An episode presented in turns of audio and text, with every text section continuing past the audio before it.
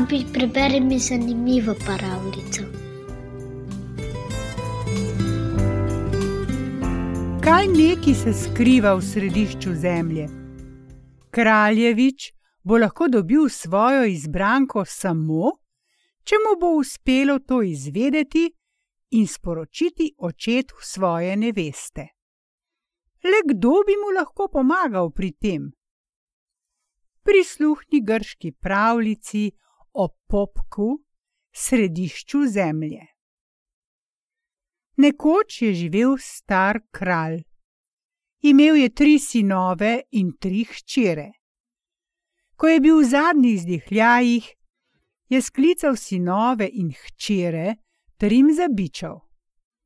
Poslušajte, dragi otroci, kar vam naročam.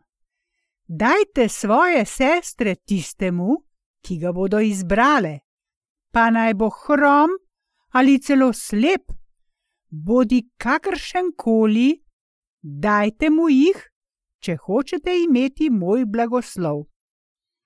Prav, odgovorijo sinovi, in kralj umre. Mine nekaj časa in pred najstarejšega kraljeviča stopi neki hromec ter zasnubi njegovo najstarejšo sestro. Komaj ga kraljevič zasliši, se že na vso moč razjezi ter mu zabrusi. Ej, ti spaka grda, ti hočeš mojo sestro, ti pokveka malo pridna, da se mi pri priči pobereš izpred oči, če ne, ti polomim še drugi ud. Ubogi hromec se kopolit cucek odpravi od ondot in gre k srednjemu kraljeviču. Ta pa mu napoje še vse hujše reči. Naposled ga zanese še v palačo najmlajšega kraljeviča. In ko kraljevič zasliši, da bi rad hromec njegovo najstarejšo sestro, jo vpraša: Se hočeš poročiti z njim? In ona mu odgovori: Izbrala sem ga, že dolgo tega, in prosim, dovoli, da odidem z njim. Potem reče hromcu: Kar pogum, seveda ti jo dam, čemu ti je neki ne bi? Saj mi je bil oče tako naročil in njegov ukaz moram izpolniti. Dal mu je sestro v zakon in hromec se je poročil z njo, vzel jo je s seboj ter šel svojo pot.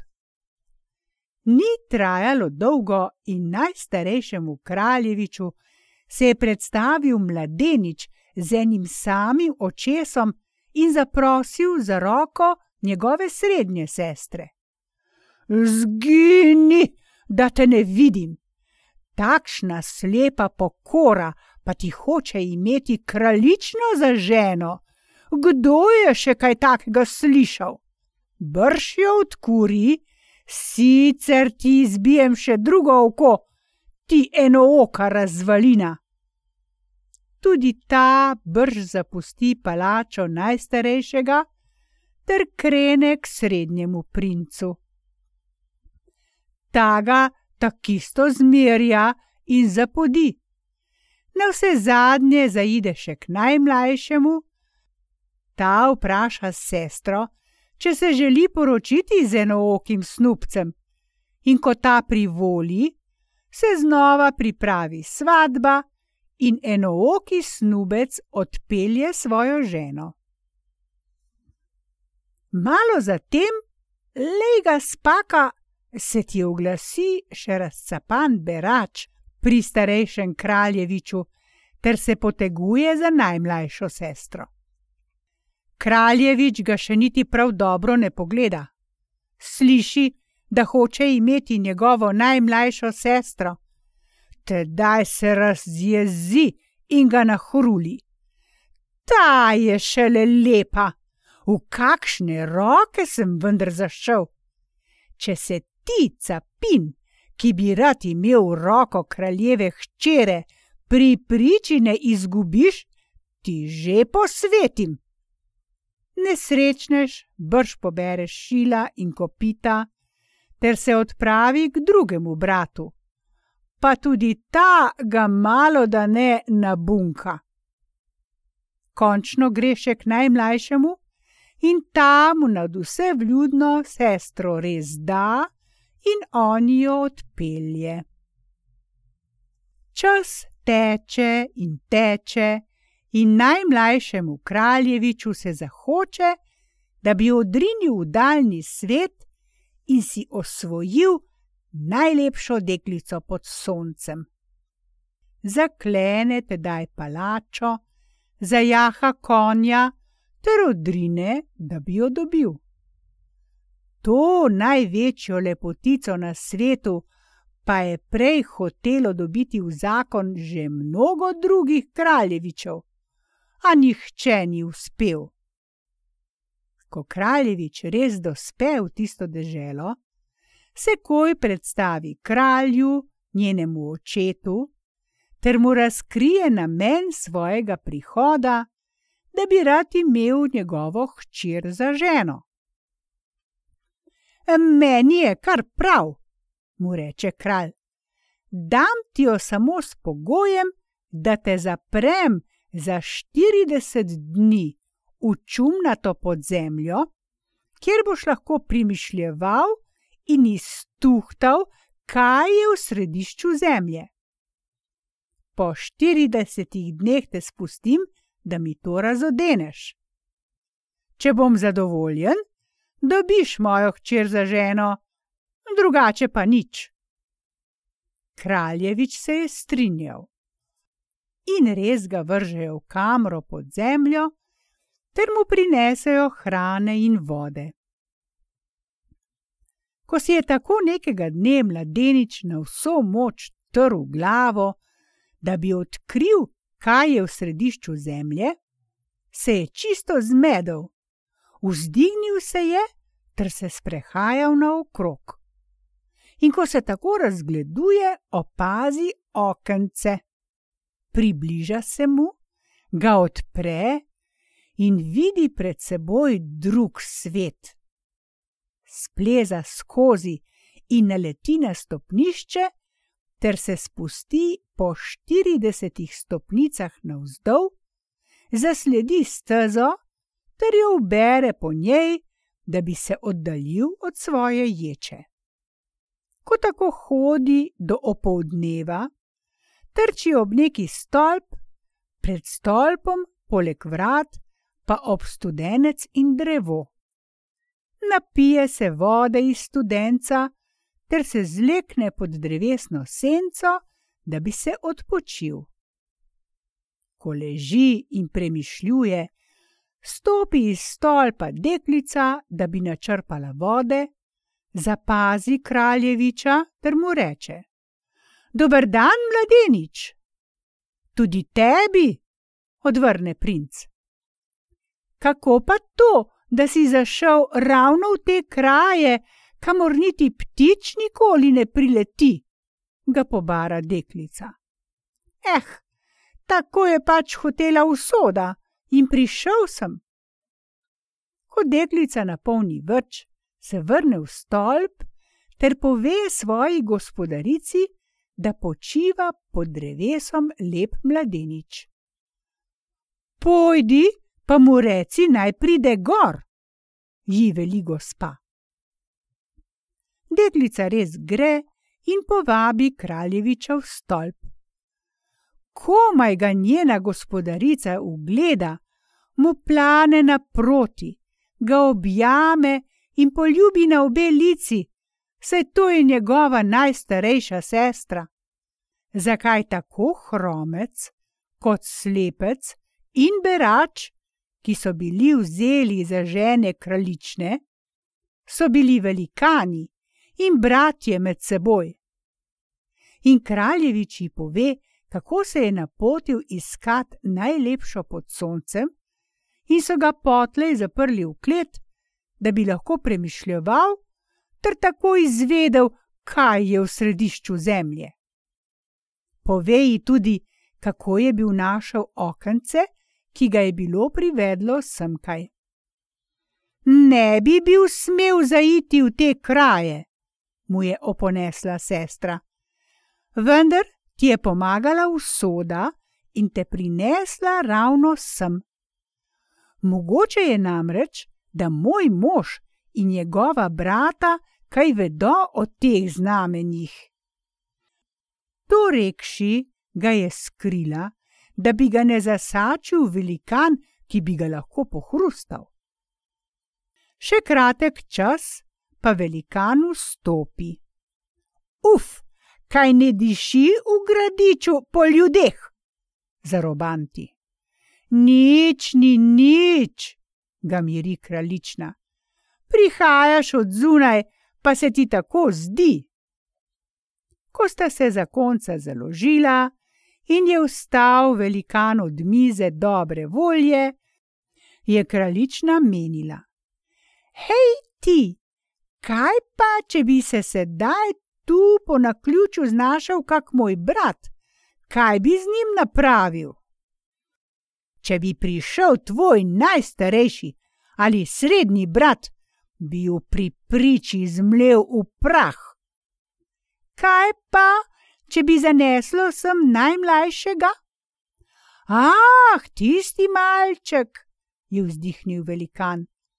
Temu sem pa za njegovo ravnanje res dolžan hvaležnost. Ko bi ta po naključju zašel sem, bi vstal svojega sedeža, da bi lahko sedel on, in mu dal zgraditi prekrasen dvorec, ki bi lahko v njem prebival. No, tu je, usklikne kraljična. Ali je res prišel? se zauzame orjak. Pa če je že tu, čemu ga ne pokažeš? Bojim se, da bi mu ne storil kaj žalega. Kaj neki naj bi mu storil? Daj, pripelji ga no sem.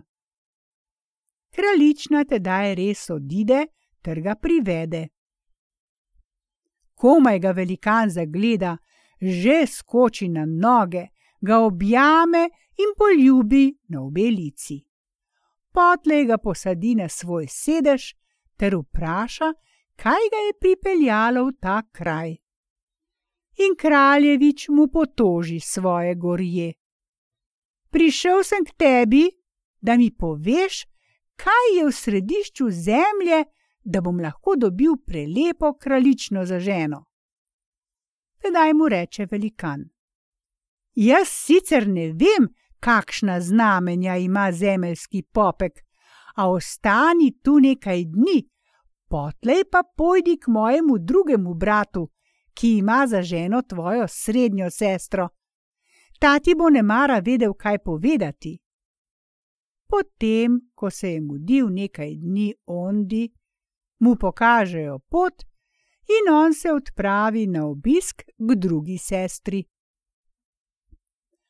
Ko ga ta vidi pred seboj, se hudo začudi, češ, kaj ga je prineslo k njim. Tudi njej razodene svoje težave in ta ga prav tako skrije. In primahajo velikan, se naje in je ves židane volje ona pa napelje pogovor na svoje brate in ga preskuša, kaj bi neki storil, če bi koga po naključju zaneslo k njemu. Tudi ta brat meni, da bi ga raztrgal na kostce, če bi prišel kdo izmed obeh starejših. Če pa bi dospel najmlajši, bi mu posadil na glavo krono Deklica se še nekaj spreneveda, potlej pa potegne onega iz skrivališča. Tudi ta ga prisrčno objame, poljubi na obe lici, ga pobara, kakšna nuja ga je prignala v te njihove rovte. Tudi temu razkrije kraljevič svojo skrb. Lej, in ta ga pošlje naprej k tretjemu bratu, ki je poročen s kraljevičevo najmlajšo sestro. Res gre tja, in da ne zavlačujemo naše zgodbe, saj ste verjetno že zaspani. pravljica pa brez konca in kraja. Ko ga sestra zagleda, mu plane v objem in ga poljubi na obe lici ter skrije, da ga velikan ne zasači in požre. In ko se orjak do sitega naje in ga česen spravi v dobro voljo, mu kraljična po vinkih in zvijačah najprej razodene, kaj se dogaja, na zadnje pa ga pripelje. Velikan kar ne more verjeti svojim očem in skače do neba od veselja. Ko mu zaželi dobrodošlico z bratovskim poljubom, ga privede na svoje mesto ter ga posadi na nj. Sedaj mi pa razloži, mu pravi, kaj te teži, da si našel pot v to puščo, kamor ne zaide živa duša.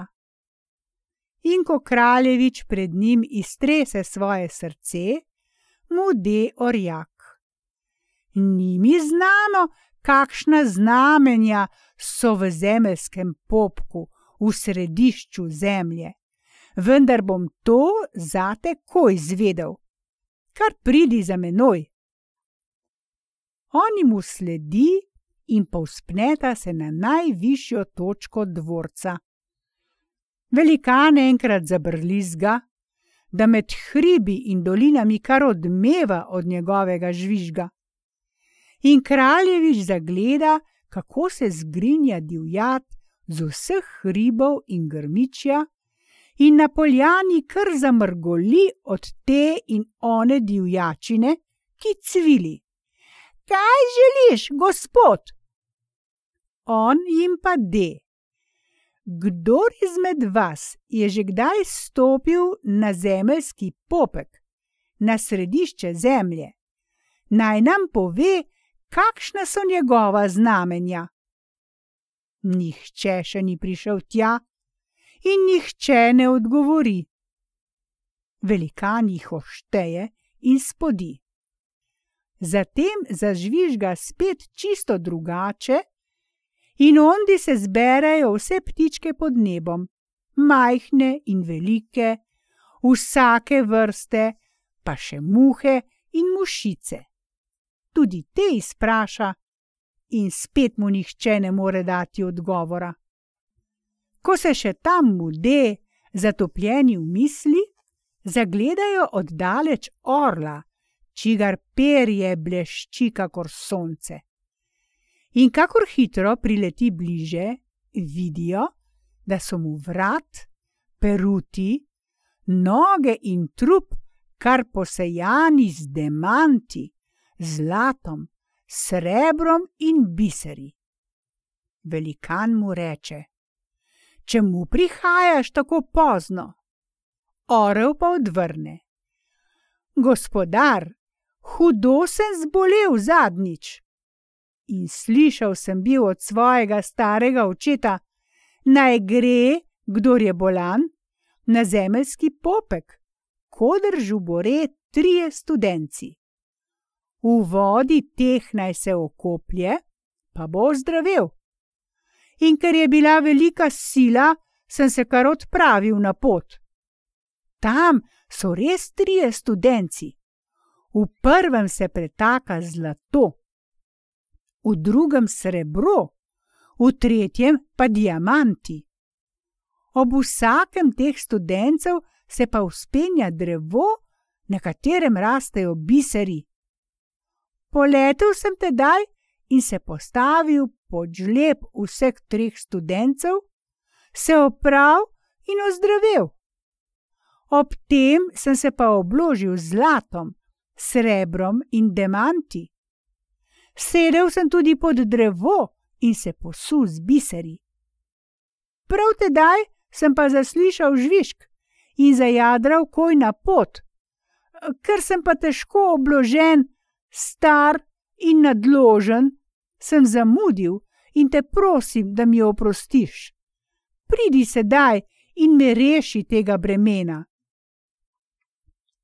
Ko mu je velikan odluščil oblogo, ki ga je težila, ga je šel pa vprašal: Kaj pa je še drugega takšnega v središču zemlje? Ondi je še obilo dreves, na katerih poganjajo prav različni dragulji, odvrne orel. Zatem pomigne velikan in da s tem dovoljenje, naj vse ptice odlete. Zlate okraske, ki jih je pobral orlu, pa poveže v ruto ter jih poda kraljeviču z besedami.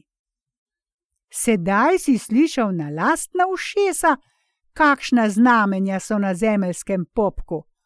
Vzemi pa še te dragocenosti, ter jih pokaži kralju v dokaz. In ko se oni pomudi več dni v dvorcu pri svoji sestri in svojem svaku, se poslovi od njiju, odrine od ondot in obhodi druga dva stolpa, ter vzame slovo še od obeh sester in svakov. Potlej vzame pot pod noge, poišče tisto okence in stopi spet v svojo ječo. Zakliče in mu odprejo vrata ter odpeljejo pred kralja. Kralj ga pobara. No, kaj si opravil? Si zvedel, kakšna znamenja so v središču zemlje. Seveda sem gospod kralj, pa naj pride zraven še kraljična, da sliši o teh znamenjih. Kralj ukaže in pristopi še kraljična. Komaj jo kraljevič zagleda, je že vas prevzet s pričo njene lepote. Tudi ta ga vpraša: Si mar dognal, kakšna so znamenja v središča zemlje. Sem, spoštovana kraljična, odvrne Leoni. Na zemeljskem popku žubore trije študenci.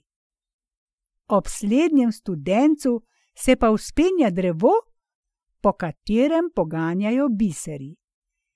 Iz enega študenca vre zlato, iz drugega srebro, iz tretjega pa diamanti. Razgrni predpasnik, pa ti podam še dokaz. In res razgrne kraljična predpasnik, kraljevič pa položi van dragulje, ki mu jih je prinesel orel. Ko jih princeska ugleda, se ji zasvetijo oči. On ji pa reče: Zlato, srebro in diamanti so iz izvirov, biseri pa z dreves. Kraljična se obrne k očetu.